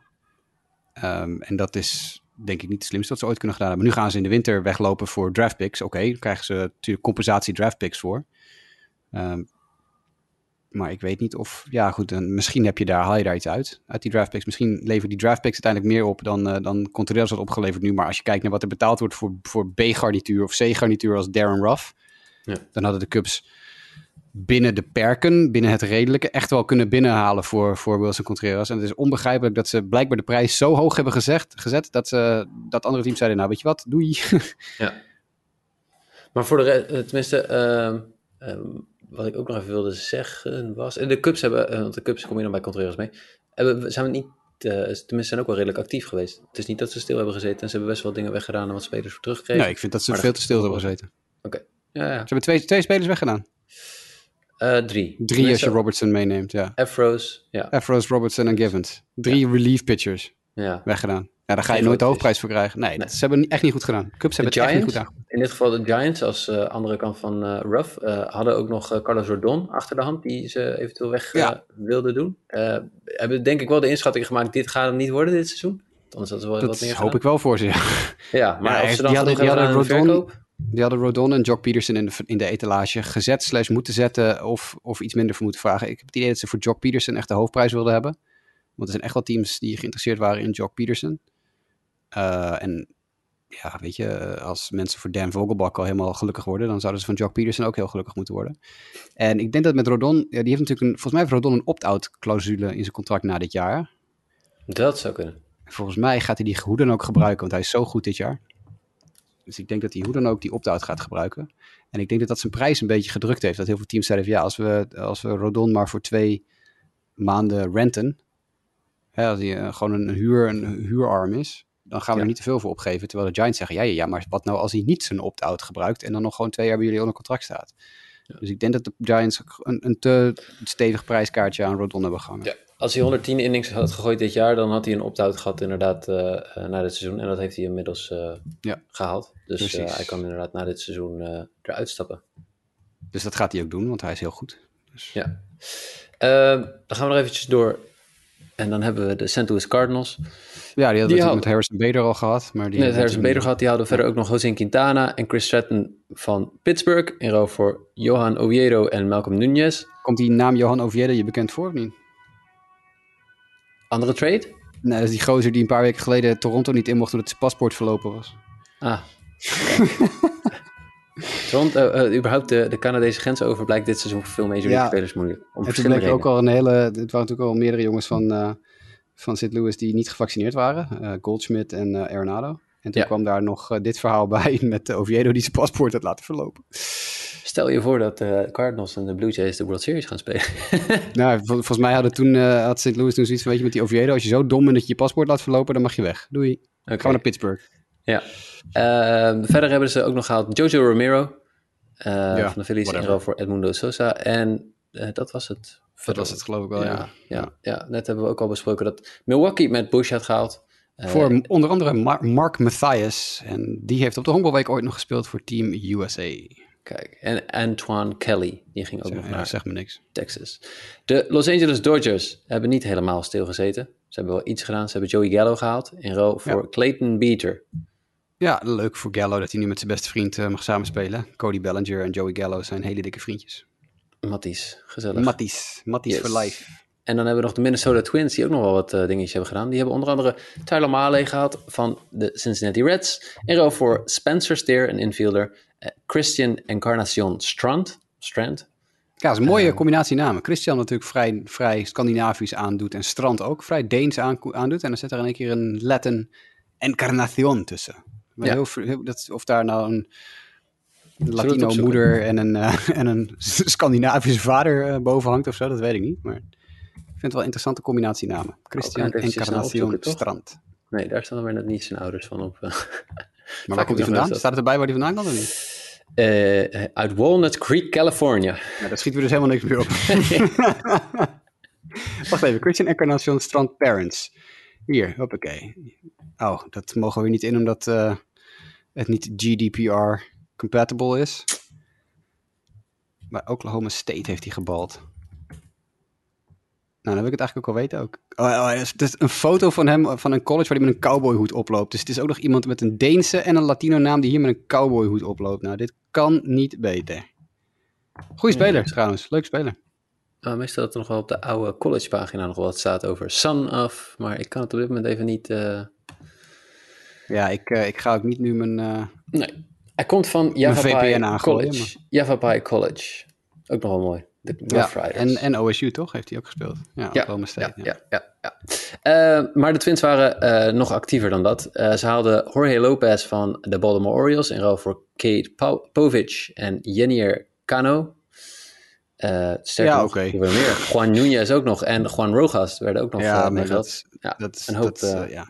Prospects. En Michael Fulmer kwam over van de Detroit Tigers in ruil voor Sawyer Gibson Long. Nou, dan hebben het, de, de Twins hebben in ieder geval alles gedaan wat de White Sox hadden moeten doen. Namelijk zichzelf beter maken. In ieder geval een signaal afgeven aan je team van... hé, hey, wij denken dat jullie ervoor kunnen gaan dit jaar. Dus hier heb je versterking. Jorge Lopez van Baltimore natuurlijk een fantastisch seizoen tot nu toe. Eh, doet het echt heel goed. Eh, een beetje uit het niets. Of althans een beetje under the radar. Want ja, wie volgt er nou in hemelsnaam de Baltimore Orioles? Ehm, dus daar, de, de Twins hebben wel behoorlijk huis gehouden. Want die Spencer Steer en die Encarnacion Strand... dat zijn volgens mij allebei top 20 prospects uit het systeem. En ook voor die Jorge Lopez zijn er twee of drie uit de top 20 weggedaan. Dus eh, ze hebben wel aardig wat ingeleverd. Maar ja, weet je, als je ervoor gaat, ga je ervoor. Ga je ervoor. Eh, een team dat, ja, dan hebben we nog echt hele kleine, hele kleine deeltjes. Maar goed, dat zijn inderdaad de, de Tampa Bay Rays eerder al David Peralta hadden gehaald in ruil voor Christian Cerca. En eh, Garrett Clevenger in ruil voor German Tapia van de Los Angeles Dodgers. Clevenger en Herman heet ik heel. Oké, Garrett Clevenger en Herman Tapia. Herman Tapia. Ehm, en de Dodgers hadden ook nog Chris Martin gehaald voor Niet, Zach niet van. Coldplay. Nee. Nou ja, niet wie Chris weet. Martin van Wie Coldplay. weet. Wie weet. De, Het de zomaar- woordgrapjes op bedoel, Twitter waren niet van de lucht. We hebben ook Carlos Santana gehad op de honkbalweek, dus Dat is waar, ja. ja. ja, nee, ja, goed. ik weet niet hoe Carlos het zelf ervaren heeft, de muziek van Carlos Santana, maar... Nou ja, dat ik even aan hem moet vragen inderdaad, maar goed. In, in voor Zach McKinstry, die gaat naar de Chicago eh, Cubs. En verder hebben de Arizona Diamondbacks en de Kansas City Royals nog een blockbuster trade gemaakt. In dat Ja. Luke Weaver naar Kansas is gegaan en Emmanuel Rivera naar de Arizona Diamondbacks. Ik hoop wel dat eh, Luke Weaver naar, naar Missouri is gegaan, want anders zit hij aan de verkeerde kant. Zit hij in de verkeerde staat. ja, dat Kansas City ligt niet in Kansas. Nee. Ehm, dan zijn we in ieder geval door de trades heen voor ze hebben gezien. Dan hebben we nog heel kort andere nieuwtjes. Dat is dat Jonathan Lucroy en Matt Joyce met retirement zijn gegaan. Eh, ja, daar hoef je niet Van harte gefeliciteerd, jongens. Precies. Ik wist niet dat Matt Joyce überhaupt nog niet retired was. Nee, ik ook niet. Maar ja, het is toch nog eentje van zeg maar, de upcoming days van de Tampa Bay Rays die toen doorbrak. Voordat ik En mijn vrouw kende, was ze een heel groot fan van Matt Joyce toen hij bij de Tigers speelde. Dus, eh, ze noemde hem altijd my boyfriend. Dus eh, ik heb altijd een hekel gehad aan Matt Joyce. Ik ga maar niet zeggen dat hij nu available is en niks meer heeft. Nee. ja, dat hoop ik niet. Daniel Bart's eh, extension ook nog, hè, trouwens. Ja, Twee jaar Daniel 19 miljoen. Bart, ja, de Colorado Rockies maakten nog een move. Eh, Want ja, jaar- het is echt, die, de Rockies zijn echt op een, op een punt in hun eh, eh, carrière of in opbouw, dat ze een, hoe oud is hij? 38 inmiddels geloof ik, hè, Daniel Bart. Ja, die een is niet 38-jarige reliever nog even twee jaar 19 miljoen moet geven. Want dat is echt een move die je maakt als je werkelijk helemaal niks te zoeken hebt in de Major League. 37 jaar. 37 jaar, ja. Ja. Ehm, maar goed, eh, ja. En, en eh, dat is ook nog wel opvallend organisatie is dat trouwens, zegt de Rockies. Jezus, Ja, die weten het op dit moment echt niet. Mensen, kinderen. Van de week stond er een verhaal ook weer. Ik weet niet of je het gelezen hebt. stond volgens mij, was het op de Athletic of een, van de, een, of andere ex-Rockies employee of iemand die op Twitter helemaal losging over de Rockies. Waar echt weer verhalen naar boven komen waarom de Rockies nou zo'n trash organisatie zijn. Dat is omdat ze ja, mensen halen op basis van, we hebben het toevallig over gehad, toen ze Chris Bryant haalden. Toen zeiden we al, nou volgens mij hebben ze die gewoon gehaald omdat die eigenaar nog verliefd was op Chris Bryant van een paar jaar ervoor in de draft toen ze hem net misliepen. Eh, en daarom hebben ze nu een godsvermogen naar Chris Bryant gegooid om helemaal niks. Het is, het is een organisatie die loyaal tot een fout is. En die alleen maar kijkt naar culture en naar dat soort dingen. Die niet meer kijkt naar of je goed kan honkballen. Nee, maar als je maar vooral eh, christelijk bent en, eh, en goed eh, past in de sfeer van de organisatie, dan, mag je al, dan, dan zit je geramd voor de rest van je carrière. Wat een trash organisatie zeg. Mensen, kinderen.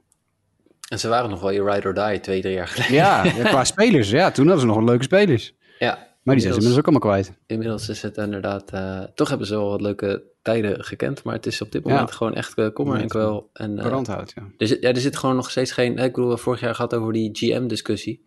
Ja. Maar je verwacht dan bij een volgende keer dat er wat, wat vuurwerk zou kunnen gebeuren. Dat er ook wel iets gebeurt. Maar Ja. ja, er gebeurt niks. Dus, Helemaal niks. Nee. En dan viel op zich nog wel mij op dat Franmil Reyes naar AAA is gestuurd. Ja, dat, viel mij ook op. Want hij zit in mijn, zat in mijn fantasy team. Dus Ja. Nou ja, hij werd ook wel redelijk hoog in fantasy eh, begin van het seizoen eh, eh, aangeschreven. Als, ja, eh, 50 homeruns haal je er zo uit hoor. Dat, Ja. En nu dus dit. maar, ja, vervelend. ja, ja, ik vind het wel prima. Want hij, hij vermoordt de, de Red Sox. De, White Sox. Dus prima. Is goed. We hebben het, het merendeel eigenlijk, ja, denk ik, allemaal wel doorgenomen. Moeten we nog een balans opmaken? Wie was nou de echte winnaar? Ja, zijn dat dan toch de San Diego Padres in jouw beleving? ja, tuurlijk. Ja. Ja. Ja, de Yankees zijn ook wel winnaar, denk ik.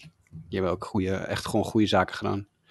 Over de hele, over de bank genomen, zeg maar. Cardinals zijn ook wel beter geworden, denk ik. Ook goede, goede dingen gedaan. Ik, ik denk Dus wel dat dat zouden denk ik de drie teams zijn die ik eruit pik. op, op basis van wat er nu allemaal gebeurd is, ik denk wel, ik kijk wel heel erg uit naar playoff honkbal in oktober. Omdat ik denk dat de Braves vet goed zijn geworden, althans vet goed, vet beter zijn geworden. Je hebt de Mets natuurlijk nog. Eh, San Diego gaat al in. Eh, je hebt de Los Angeles Dodgers. Dat worden gewoon eigenlijk allemaal wel mooie matchups. Eh, Ja, ik denk het ook. En eh, ik, denk- zeker na deze trade deadline heb je zoiets van, oké, kan het alvast oktober zijn? Eh, voor de American League laat ik het even van jou. Ja, nee, ik, ja, ik, ik heb ook wel zin hierin. Ja. Dat, in ieder geval de, de, de teams die, ehm, die al goed waren, hebben, zijn niet slechter geworden. En dat is, maakt het denk ik wel ook wel interessant. Terwijl ik ook denk dat er bijvoorbeeld spelers of, of teams zijn die meer hadden kunnen doen. Maar los daarvan, eh, ja, nee. Ik, eh, ik denk dat er heel veel teams zijn die, die, die een beetje in een soort van purgatory zitten. De Brewers zijn die niet per definitie beter geworden, maar ook niet heel veel slechter. Nee. Terwijl je toch zou verwachten dat ze ook wat meer zouden gedaan hebben, omdat de Cardinals ook zich behoorlijk versterkt hebben. Maar goed. It remains to be seen. Maar Ja. voor deze eh, aflevering zijn we er denk ik voor het grootste gedeelte doorheen. Ehm, als jullie nog eh, vragen, opmerkingen hebben voor een volgende aflevering, dan kun je dat altijd laten weten door een berichtje te sturen. Dat kan het best via Twitter eh, naar @sportamerika, @jwkev voor Justin, die als Seattle Mariners fan op dit moment aan de West Coast aan het vieren is dat eh, Luis Castillo een Seattle Mariner is geworden. Eh, naar Jasper Roos, mdijk90 of grasmansd om ons te bereiken. Ehm, ik weet even niet wanneer wij er weer gaan zijn. Maar dat heeft te maken met eh, verschillende mensen die eh, nog even vakantie gaan genieten. Ja, Ja. precies. Dus hou het gewoon in de gaten. Dat is denk ik het beste advies wat ik eh, kan geven. Ik weet niet of jij daar toevoeging op hebt. Nee, zou ik zeker gewoon even... abonneer je op onze podcast, dan zie je hem vanzelf weer verschijnen. Binnen nu en twee weken of zo zijn we er weer een keer. Yes.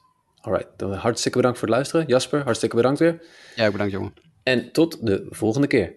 You and I have been friends for a long time, but I know in my heart that I've always needed you more than you've ever needed me.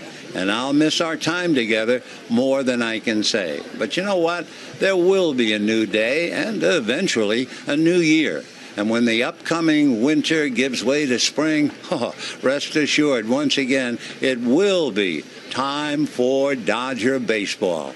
So this is Vin Scully wishing you a very pleasant good afternoon wherever you may be.